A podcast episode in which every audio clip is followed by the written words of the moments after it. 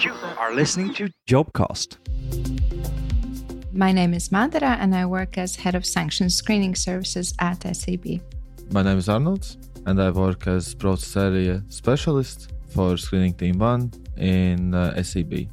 When I'm not working, I volunteer at the pet shelter, so taking care of uh, their dogs as well as a cat. And I recently adopted a rescue, as uh, well as during the pandemic, I developed a hobby of urban gardening. So, house plants and some uh, veggies on the balcony when the season is on is uh, something that really helps to get that feel of nature in the city. When I'm uh, not working, Usually I play some video games or watch some Netflix, you know, just rest a bit. Sometimes I like to have some walks around the um, riverside or some other things. Some a bit of an active as well. I am uh, heading uh, the sanctions and screening uh, services department. currently, it's a department of 50 people. In the last three years, we've grown quite ex- exponentially. That's also when I joined SEB, and at that time it was one team of five people. So, due to the geopolitical landscape as well as SEB's aspiration for development and innovation, uh, we've grown from a team uh, into a whole department this year. Basically, being a process specialist easiest way how I usually explain to newcomers is that I'm basically the guy who knows the technical side of screening. What kind of systems are we using? how to perform the screening, on where to look, and if when we have new go lives, when we are uh, taking over some new sites, I'm the one who prepares work instructions and help them out to understand how to do the process. Um, so basically, that's that's my role, just assisting the team and preparing everything so everything is workable and understandable.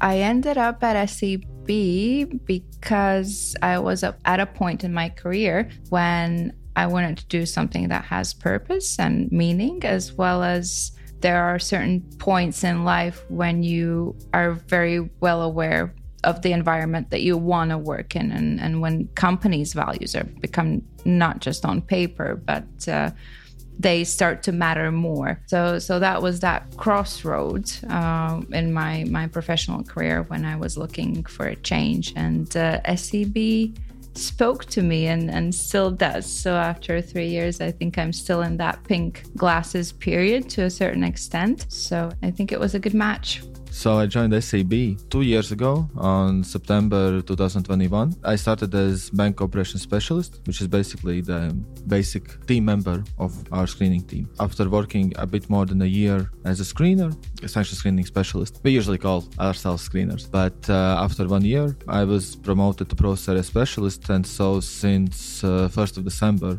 last year, I'm doing this job. So soon I will have an, uh, an anniversary. We have three teams in the department. Two of them are related to transaction screening, and one is related to customer screening.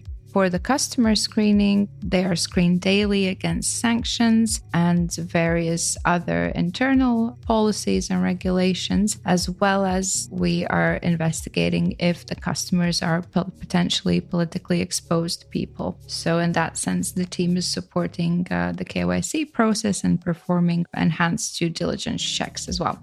For the transaction screening, there's two teams, level one and level two, respectively. So all of the payments that, or different kinds of payment products that go through SEB are screened against internal, external, international sanctions lists. And if the payment is a match of a certain extent to a sanctioned entity, let's say, then it's stopped in the system. From that moment on, we have a one hour time slot where we need to investigate the payment. If it's only a matter of similarity in words or sequence of letters and it's an obvious false positive, then the team can release the payment But if there's grounds for further investigation, then they assign to the level two team, which is still in our department. And uh, they have slightly different tools, different accesses. They also communicate with other units within the bank to gather their necessary information for the investigation. Uh, and they have also a bit more of a mandate uh, to perform actions with uh, these payments that are on hold. Of course, largely we screen mainly against sanctions, but also against fraud, counter-terrorism financing, and uh, other compliance uh, related uh, lists. The team are quite diverse and a lot of different backgrounds, and talking to them about these same geopolitical things. All of these things, all of these different perspectives, what people know about that, and discussions. For me personally, that's the best part. So, my first impression of SEB um, when I joined was, and I joined in the middle of the pandemic in, in May 2020. But regardless of the limitations, I still felt very welcome. And that people factor was the first thing that caught me that uh, everyone's super supportive, always genuinely interested in uh, colleagues' well being. You are very quickly accepted and, and pulled into the SEB vibe, so to say. I came to the office and everybody was sitting an office job. Thought okay so everybody will be sitting at computers and not talking.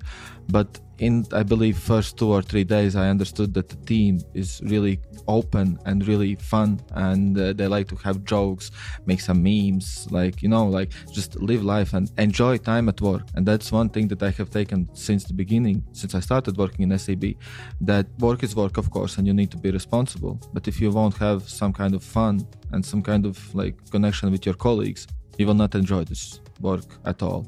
So that's that's one thing that i really like quickly in the first couple of weeks understood that okay yeah this is like second home because you know all the persons and you you, you enjoy spending time with them